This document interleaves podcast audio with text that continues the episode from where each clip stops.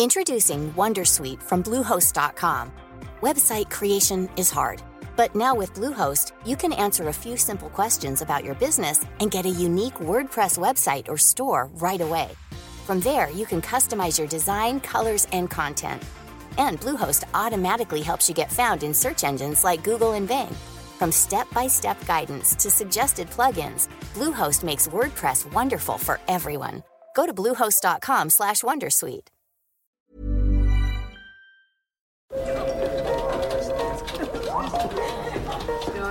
Dette er lyden av norsk næringsliv. Akkurat nå tas det små og store valg som kan bli avgjørende for fremtiden. Med økonomisystemet X-Leger tas disse beslutningene basert på informasjon i sanntid, slik at drømmer og ambisjoner kan bli virkelighet. Få kontroll og oversikt, gå inn på xledger.no. Denne sendingen er sponset av Xleger.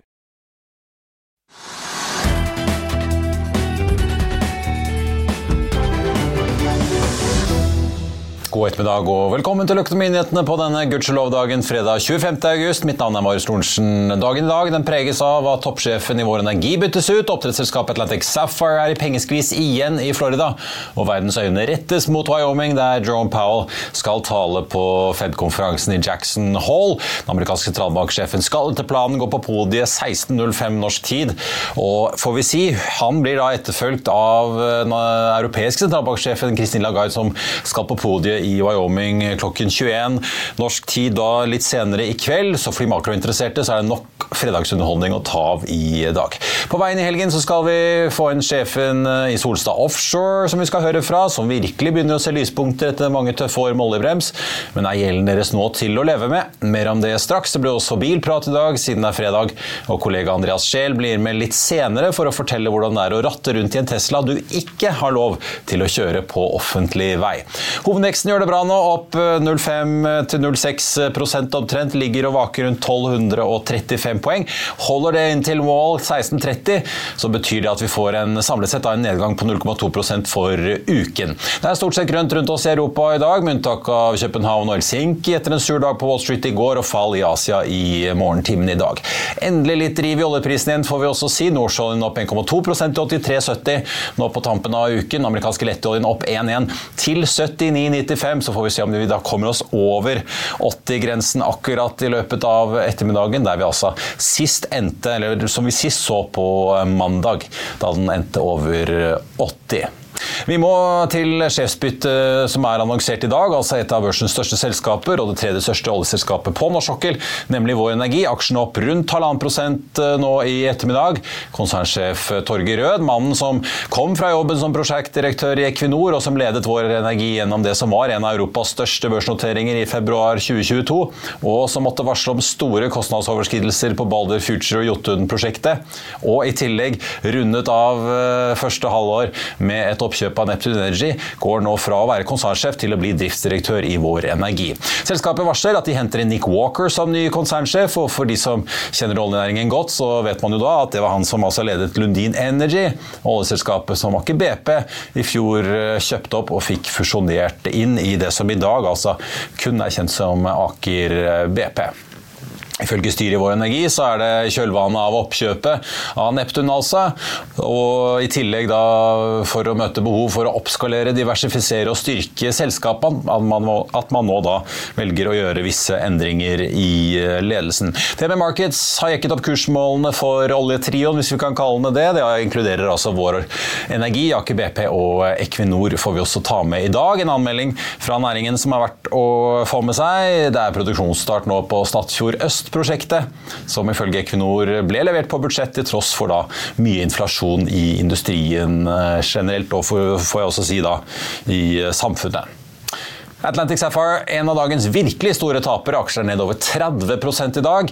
De kom jo da med tall i går og også et varsel om at det skjer ting på finansieringsfronten.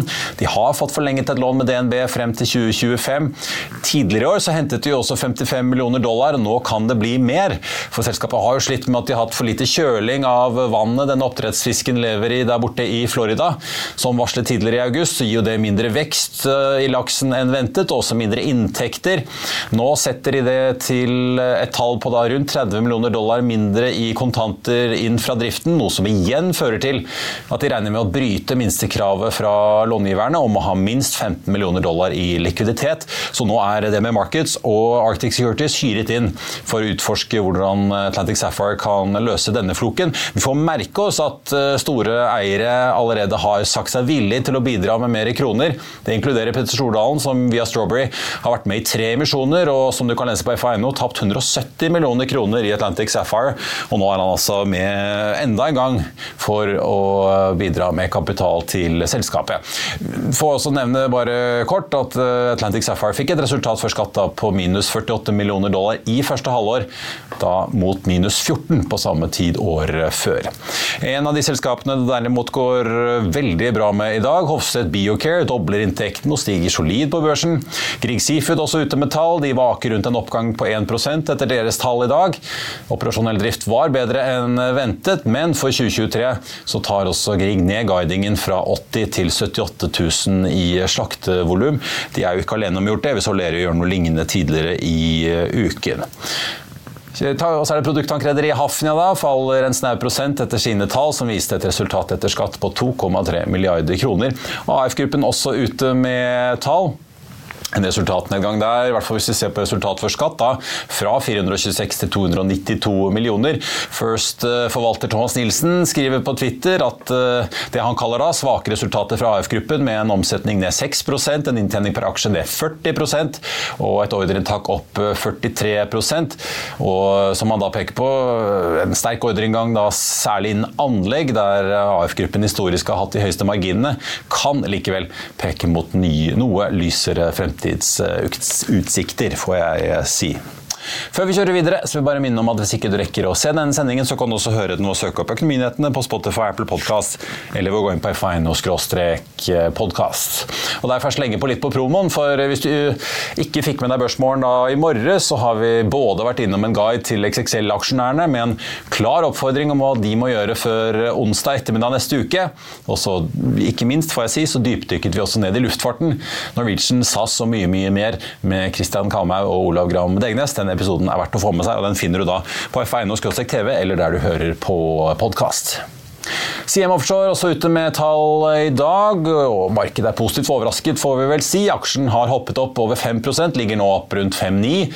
Dagens oppgang er en god nyhet for aksjonærene, som hittil i år har måttet tåle en nedgang på over 40% CM Offshore hadde driftsinntekter på nesten 90 millioner dollar, opp fra litt over 75 på samme tid i fjor. Resultat for skatt bedret seg også kraftig i det samme tidsrommet, opp til litt over 30 millioner dollar. Selskapet skriver forventningen om økt aktivitet rundt om i verden fortsetter å styrke seg, selv om det går langsommere enn forventet.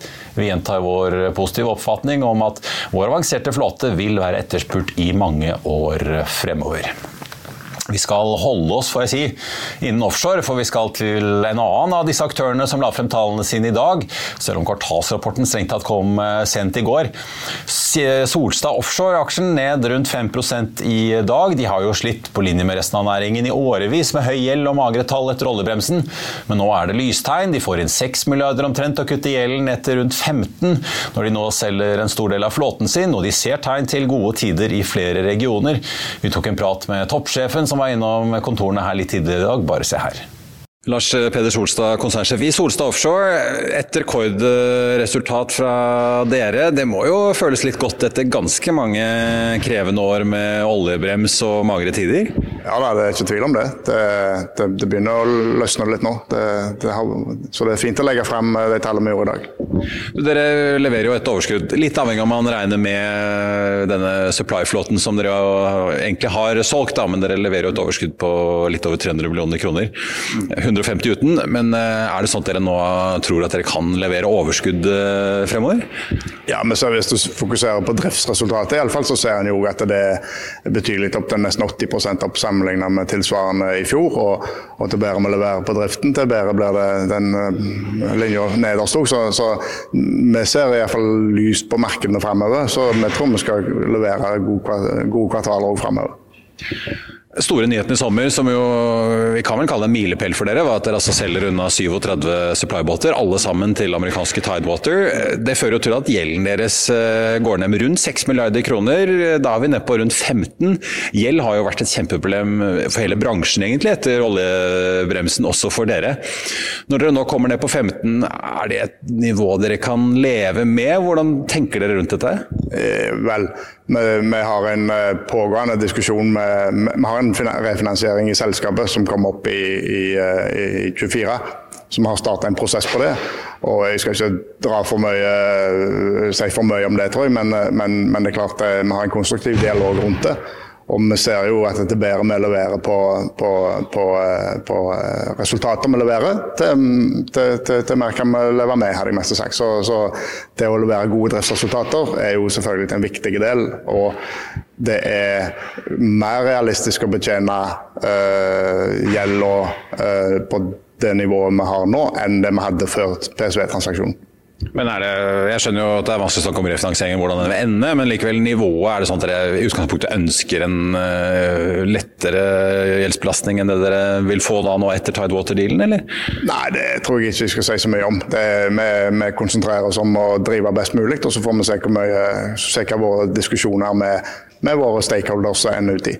Vi skal følge med når eh, børsmeldingen tikker inn etter hvert. Skal vi snakke litt om hva slags selskap eh, Solstad nå blir, da? Fordi dere sier jo farvel til en hel eh, stor flåte og en, et helt segment da, som har vært stort hos dere tradisjonelt. Nå blir det subsea og ankerhåndterere igjen. Hva, hva, er egentlig Solstad nå fremover? Ja, du kan si at Hvis du ser historisk på det, så er det jo egentlig subsea og ankerhåndtering vi har vært.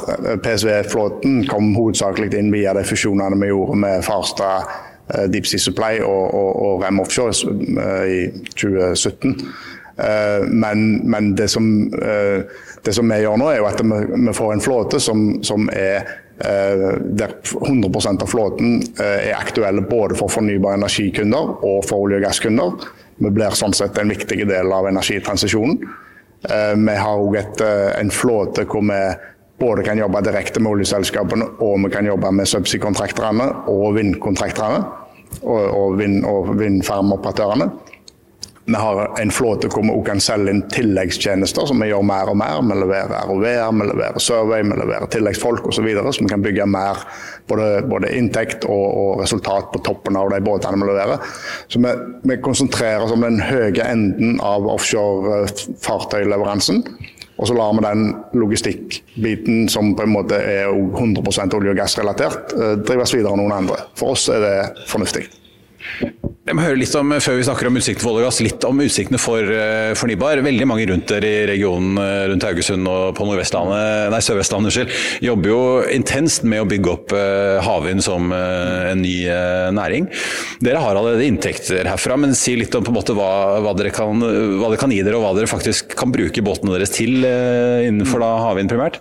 Altså, Vi jobber jo mye innenfor havvind allerede, og i annet kvartal hadde vi 31 av EBT-en vår kom fra, fra fornybar energi. Eh, aktivitet. Og, og, og, det er klart vi kom, eh, altså Spesielt subsea-fartøyene våre er veldig relevant inn mot, inn mot, eh, mot bunnfast og flytende når det kommer. Ankerhåndtererne kommer også til å bli sentrale i flytende vind når den tid kommer mot slutten av dette tiåret. Ja, fordi dere bistår med alt fra legging av kabler oppankring av disse flytende vindmøllene? Ja, ikke så ulikt det som vi gjør innenfor olje og gass, faktisk. Men, eh, men, men, eh, men eh, så, så, vi gjør mye på det. Og det er klart at etterspørselen fra den type aktører innenfor vind er jo med og bidrar til at det blir ekstra stram stramt på, på etterspørsel etter subsea-fartøyer på toppen av den veksten som skjer innenfor olje og gass. Så kombinasjonen der er veldig bra. Vi, vi, har ambisjoner om å øke vår andel innenfor uh, fornybar etter hvert som aktiviteten går opp eh, fremover. Og, og, spesielt ser vi positivt på dette med flytende vind når den tid kommer. Det bygges ut store parker eh, i USA. Bransjen sliter jo litt med margin og inntjeningen om dagen på havvind. Eh, men likevel, store parker i Storbritannia, en god del Europa skjer, store parker i USA på gang. Men hvor viktig blir disse mye omtalte feltene Utsira nord og Sørlig Nordsjø 2 i Norge for en aktør som dere? Jeg tror det blir veldig viktig. Nå, nå er det jo litt frem i tid, men vi ser jo i regionen på Haugalandet som er, som er lokalisert, så, så, er det klart det er mange store av de største energiselskapene i verden som posisjonerer seg for lisensene der. Og har, Det kommer til å bli en utrolig aktivitet. Og så må vi gjøre vårt beste for å selge oss inn og, og være med på det. Og vi er tett på en del av de som, som, som er med i søknadsprosessen. Sånn at vi, vi ser for oss at det skal bidra positivt for oss. Til slutt må jeg høre litt om olje og gass. Eh, det har vært høyt og er høy aktivitet på norsk sokkel. Eh, mye takket være oljeskattepakken som eh, sørget for at mye aktivitet ble videreført gjennom pandemien. Dere peker jo litt på at det er noen rigger som ser ut til å være på vei ut fra norsk sokkel og over andre regioner, hvor ting også virker å ta seg opp. Hvordan ser utsiktene ut på olje- og gassiden for dere nå? Ja, det ser jo veldig bra ut, vil jeg si. Og, det, med et globalt selskap som, som riggene går til til Australia eller til Brasil, eller sånne ting, så, så er vi der òg. Så, så, det øker etterspørselen der, selv om vi går ned her. Så vi har en global tilnærming til det, selv om det er alltid kjekt å ha høy aktivitet i nærområdene. Eh, sånn at vi, vi eh, ser, si, ser, ser, positivt, eller positivt på det. Det viktigste er at det kommer flest mulig rigger i arbeid, og at det er høy feltutviklingsaktivitet. Og Hvis en ser på skattepakkene i, Norge, så er det klart ja, det var viktig gjennom pandemien, men, men offshorearbeidet er jo knapt begynt. Så vår, effekten for oss den starter jo nå, og vil ha full effekt kanskje fra 24 og framover. Så det er da det vil vise igjen for vår bransje. Og vi hørt fra riggnæringen eh, fint lite tegn til noe særlig nybygging. Er det det innenfor ankerhåndter eller subsea? Nei, jeg tror ikke vi kommer til, det kan komme en slenger her og der, tror jeg. Men, men, det er klart at vi sitter i et eh, For det første så har du en bransje som har vært i kne, og til dels er, eh, og skal på en måte komme forbi det. Du har, et, har finansieringsissues. Du har, du har en kost som kanskje har dobla seg siden, siden forrige peak på, på nybygg. Og du har et teknologivakuum hvor det ikke finnes si, troverdige uh, alternativer på alternativ fuel ennå. Uh, sånn at alt dette taler mot at det skal bygges båter med det første, spør du meg. Vi skal uh, snakke bil, og før Andreas Scheel tar plass her i studio, så skal vi bli med han ut for å prøve noe elektrisk som ikke er lov å kjøre på vanlig vei. Bare se her. For ti år siden så snudde Tesla opp ned på bilverdenen da de lanserte sin Model S. Siden det har det skjedd mye både hos Tesla og andre steder, men det siste nå er at de har tatt toppmodellen sin, Tesla Model S Plaid som den heter. Nå har den bilen kommet med en trackpack. Det betyr at de har gjort en del med softwaren som gjør at denne bilen yter enda mer og er enda raskere enn den var før. Med 1020 hestekrefter, firehjulstrekk og launch control, og da påmontert semislick som denne trackpacken har, så er akselerasjonen på denne bilen helt hinsides. Det er faktisk mer ubehagelig enn det er gøy. 0 til 100 på 2,1 sekund er raskere enn de raskeste bilene fra Ferrari, Porsche og Lamborghini. Så dette her er egentlig bare helt sjukt. De har også byttet eh, bremsene til karbonkeramiske bremser, som selvfølgelig er en fordel når du skal stoppe en bil som veier 2,1 tonn ned fra hastigheter helt opp i 322 km i timen. Og du har også semisliks på bilen, som gjør at når du kjører på tørr, varm asfalt, så sitter det som lim. Hvis det skal være noe å sette fingeren på i denne bilen, så må det være setene. De er behagelige å sitte i og ha god justering, men sidestøtten kunne vært bedre. Og når du har en bil med så mye hestekrefter og så gode svingegenskaper, så hadde det vært bedre å kunne sitte litt godt fastspent. Man kan riktignok bare klamre seg til rattet og svinge likevel, men eh, Sportsbil er det jo fortsatt ikke, for dette er jo faktisk en familiebil. En ekstrem familiebil. Vi er nå på Rudskogen og prøver denne bilen. Vi har hatt litt eh, fuktighet både i luften og på bakken, så vi får ikke presset bilen helt maksimalt akkurat nå. Men eh, denne bilen, den sitter godt. Når du først får opp farten, så er bilen fortsatt overraskende god og lett å kjøre for å være en så stor og tung bil. Tyngdepunktet er lavt, og bremsene er som sagt gode nok til å få denne vekten ned igjen. Så med alle de forutsetningene som Tesla Model S Plaid med trackpack har å by på, så er det bare å ta denne bilen ut på bane og se hva den har å by på. Og det er fryktelig mye. Og da får jeg si velkommen til Andreas. Spørsmålet da blir jo, du som også har kjørt mye Taycan på bane, er, eh, har amerikanerne nå tatt innersvingen på tyskerne på bane også med elbil? Det har de faktisk gjort. De har jo nå slått Taycan på Nürburgring med syv sekunder, er det vel. Så de har rekorden der. og Porsche kommer vel ikke til å gi seg, men foreløpig så er det Tesla som har den rekorden. Det virker jo nesten som eh, man nå har skvist så mye ut av sitronen at man begynner å nå grensene for hva som er mulig når du sier at det begynner å bli ukomfortabelt å sitte i dette her. Fordi det er så brutalt? Ja, det er det. Fordi det er så rask akselerasjon at det er rett og slett ubehagelig. Jeg var ute og tok noen bremsetester, akselererte og bremset en del ganger etter hverandre også for å teste bremsene, og de holdt jo bra. Eh, men eh, da ble jeg faktisk bilsyk av å kjøre selv, og det har jeg aldri opplevd før. Det er ikke det du pleier å høre fra deg i kantinen? Nei, det er akkurat det, og det er nesten litt flaut, men denne bilen er som sagt helt hinsides. Ja. Fjollete rask. Du, det er jo motor eh, rett rundt hjørnet i helgen, på vei ut. Ja. Eh, Nå er det båt. For mange så er kanskje med været ute og temperaturen i båt ikke fokus, men eh, det er neste års båt som ja. skal vises frem. for det er show på Aker Brygge fra og med torsdag neste torsdag uke? Torsdag til søndag neste uke så er det båter i sjøen på Aker Brygge, så der er det sikkert mye fint. Blant annet denne nye Prinsessen til 10 millioner, som eh, min kollega Ragnvald har vært ute og kjørt. Og det skal vises en del andre ting, så det kommer mye spennende på sjøen. Mye snacks, selv om båtsesongen er kraftig på hell? Det er det nok, og rentene på vei opp, så Ja, vi får jo se hvordan salget går, da. De ordentlige, Dere skriver jo med en ordentlig stor uh, yacht her også, men uh, Jo, men i prisklassen to milliarder oppover, så, så spiller ikke renten noen rolle. Men i 20 millioner og ned, så er det kanskje litt mer rentesensitivt for dagen. Uh, jeg tenkte også må høre litt, for dere har jo også testet vår kollega Håkon en bil som har vært veldig populær, apropos elbil.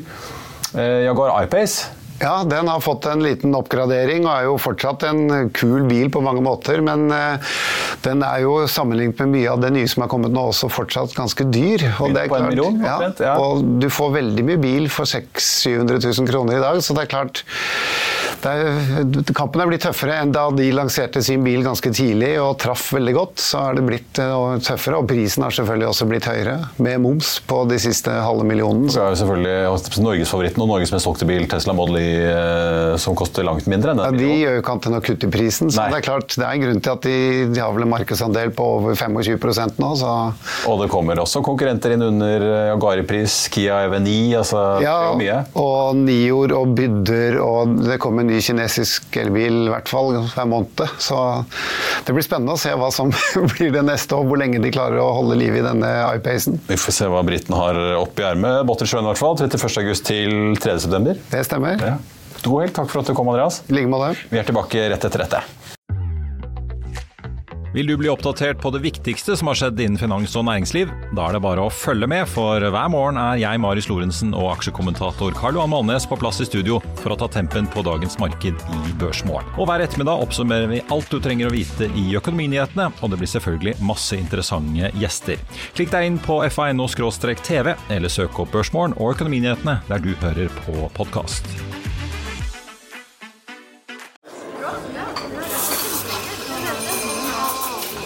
Dette er lyden av norsk næringsliv. Akkurat nå tas det små og store valg som kan bli avgjørende for fremtiden. Med økonomisystemet X-Leger tas disse beslutningene basert på informasjon i sanntid, slik at drømmer og ambisjoner kan bli virkelighet. Få kontroll og oversikt, gå inn på xledger.no. Denne episoden er sponset av van Brun, en fremtredende smykkeforhandler kjent for sitt brede utvalg av forlovelsesringer, gifteringer og diamantsmykker som bæres og elskes i generasjoner. Et frieri er en av de største øyeblikkene i livet, hvor forlovelsesringen er et tidløst symbol på kjærligheten. Valg av ring krever omtanke for både hvilket metall og diamant, med et bredt spekter av både naturlige og labdyrkede diamanter, og metaller som platina, gult gull, hvitt gull og roségull, hjelper de deg med å sette et personlig preg på din kjærlighetshistorie. Van Brun vil gjerne invitere deg til å prøve på tre av dine favorittringer fra nettsiden helt kostnadsfritt. Du kan også låne et bredt spekter av frieriringer, slik at du og din forlovede kan velge en ring sammen etter det store ja. Van Brun tilbyr 90 dagers åpent kjøp og 90 dagers gratis størrelsesjustering. Utforsk deres eksklusive sortiment i luksuriøse omgivelser. Bok en konsultasjon sammen med en diamantekspert i deres showroom i Oslo. Eller online på vanbrun.com. V-a-n-b-r-u-u-n.com. Thank you. Velkommen tilbake. Hovedindeksen på Oslo Børs opp en halv prosent eh, nå. Ser ut til å gjøre det relativt eh, sterkt. Da kan vi altså ende rundt samlet sett av null for uken. Kanskje så vidt marginalt i minus, men likevel. Det kunne godt eh, være. Futures på Wall Street de ligger fortsatt i pluss nå da halvannen time omtrent før handelen er i gang i New York. Og så tenkte jeg også bare å nevne oljeprisen. Ser ut til å hente seg noe inn da på slutten av uken. Vi ligger nå opp 1,4% på nordsjøoljen til 83,80. 80, og den amerikanske lettoljen ligger nå akkurat på 80 blank, opp 1,5% så vi får se om det holder inn til mål, sånn at vi får avsluttet uken over den litt symbolske grensen da på 80. Norwegian falt jo 7,6 i går etter kvartalsrapporten. Den diskuterte vi jo mye på Børsmorgen i morges. Norwegian har i hvert fall hentet seg mye inn fra nivåene vi så tidligere i dag. Den startet jo ned, ligger nå opp 0,3, men eh, gårsdagens tap ser altså ikke ut til å bli hentet inn hvis ikke noe veldig mye skjer da på tampen av dagen. Vår Energi har krøpet stadig oppover utover eh, dagen etter annonseringen om at konsernsjefen byttes ut. Altså Nick Walker som kommer inn, tidligere sjef i oljeselskapet Lundin. Han skal nå lede eh, da Norges tredje største oljeselskap, og konkurrenten til hans gamle arbeidsgiver, får vi si, gitt at Lunin da ble slukt opp av Aker BP. Og jeg får også ta med, da, i og med at det med Markets er jo ute og da endrer litt på estimatene sine for denne oljetrioen Aker BP, Vår Energi og Equinor, at det er faktisk bare Vår Energi som så langt i år har levert en positivt, positiv avkastning, med utbytter i hvert fall, uh, av disse tre. Ellers så ligger alle kursmessig i hvert fall i minus for året, men utbyttene gjør at Vår Energi bikker så vidt i grønt. Atlantic Sapphire, oppdrettsselskapet på land i Florida, sliter tungt i dag etter varsel i går om at de altså kommer til å bryte lånevilkårene og må hente mer kapital. De hentet jo penger tidligere i år, og nå er altså Petter Stordalen og andre storeiere med på en ny kronerulling. Er det varslet aksjen ned 33% Det betyr at den så langt i år er ned en rundt 60% altså mer enn en halvering. Ellers får vi jo ta med da XXL, hvor emisjonsprosessen er i full gang gang. Det er jo både aksjer man kan kjøpe og selge, også tegningsretter man kan kjøpe og selge. Selve emisjonen skal jo skje til 40 øre aksjen. Tegningsretten ligger nå på 27 eh, øre. Så det betyr jo Og selve aksjen ligger på en 60, ja, nesten 69 øre. Det betyr jo nå at vi i hvert fall har sett at uh, tegningsrett pluss emisjonskurs begynner å nærme seg kursen på aksjen nå. Det har jo vært litt forskjell her tidligere. Uansett, hvis du er aksjonær i XXL, så er det i hvert fall viktig å ta grep uh, innen onsdag ettermiddag, når disse tegningsrettene utløper. Da må du altså enten ha solgt de eller benyttet de, ellers så taper du rett og slett hele verdien av disse tegningsrettene. De to offshore-kameratene, får vi si, Siem Offshore og Solstad, begge ute med tall i dag. Siem gjør det veldig bra etter sin kvartalsrapport, og opp over 6% Solstad ned rundt 5 blank eh, nå. Begge ser jo da lystegn i markedet etter mange år med krevende tider i kjølvannet av oljebremsen. I Finansavisen i morgen på lørdag så kan du lese Trygve Egnars leder om at boligkrisen blir alvorlig. Du kan lese om Petter Stordalens tap i da landbasert oppdrett i Florida. Du kan lese om arbeidsministerens svar til Trygve Hegnar om hvor mange ukrainske flyktninger som egentlig jobber. Og så kan du lese om at ordningen med A- og B-aksjer kan være truet, samt selvfølgelig masse bil, vin og annet helgestoff. Og Det var det vi hadde for deg på denne fredagen. Tusen takk for at du så eller hørte på. Mitt navn er eh, Marius Lorentzen, og i helgen så har vi litt uh, valgkampstoff på vent til deg, får jeg si, så det er bare å følge med i podkastspilleren din i morgen på lørdag. Ellers er vi tilbake igjen mandag morgen 08.55 med Børsmorgen. Da kommer Danske Banks Anders Johansen, som, få, som alltid, har fått ny jobb, har blitt forvalter uh, siden sist, og klokken 14.30 så blir det Økonominyhetene med Trygve Hegnar. I mellomtiden så ønsker alle vi her i Finansavisen deg en riktig god helg. Takk for nå.